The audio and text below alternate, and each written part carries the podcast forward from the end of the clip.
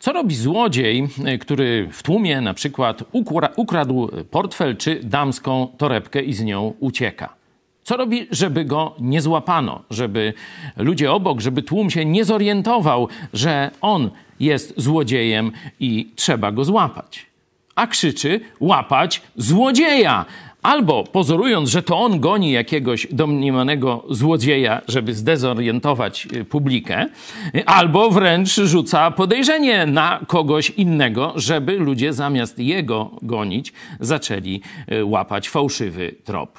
Nie? To dość proste, wszyscy to wiemy, jest takie powiedzenie właśnie łapaj złodzieja.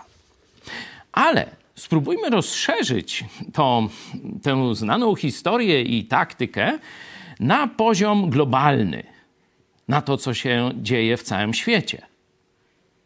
Zobaczcie, że teraz jest taka moda na teorie spiskowe. Jedni no, zwalczają wszystkie teorie spiskowe. Na przykład była zwalczana teoria spiskowa, że wirus COVID został celowo rozprzestrzeniony e, z laboratorium w Wuhan. No teraz już mamy dowody, że tak było, a ludzie dalej jeszcze kręcą głowami.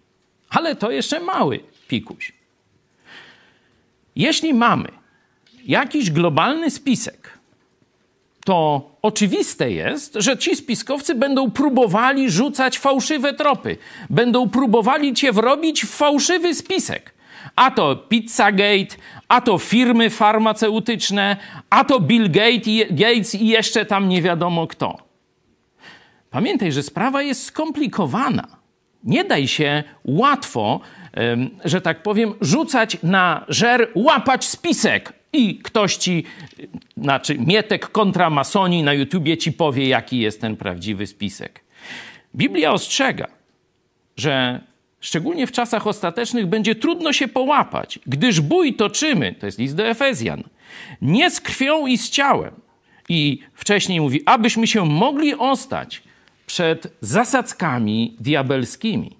Żeby się w tym wszystkim roz, roz, rozpoznać, zrozumieć, potrzebujesz naprawdę Bożej mądrości i chodzenia blisko Jezusa Chrystusa w pełnej zbroi Bożej.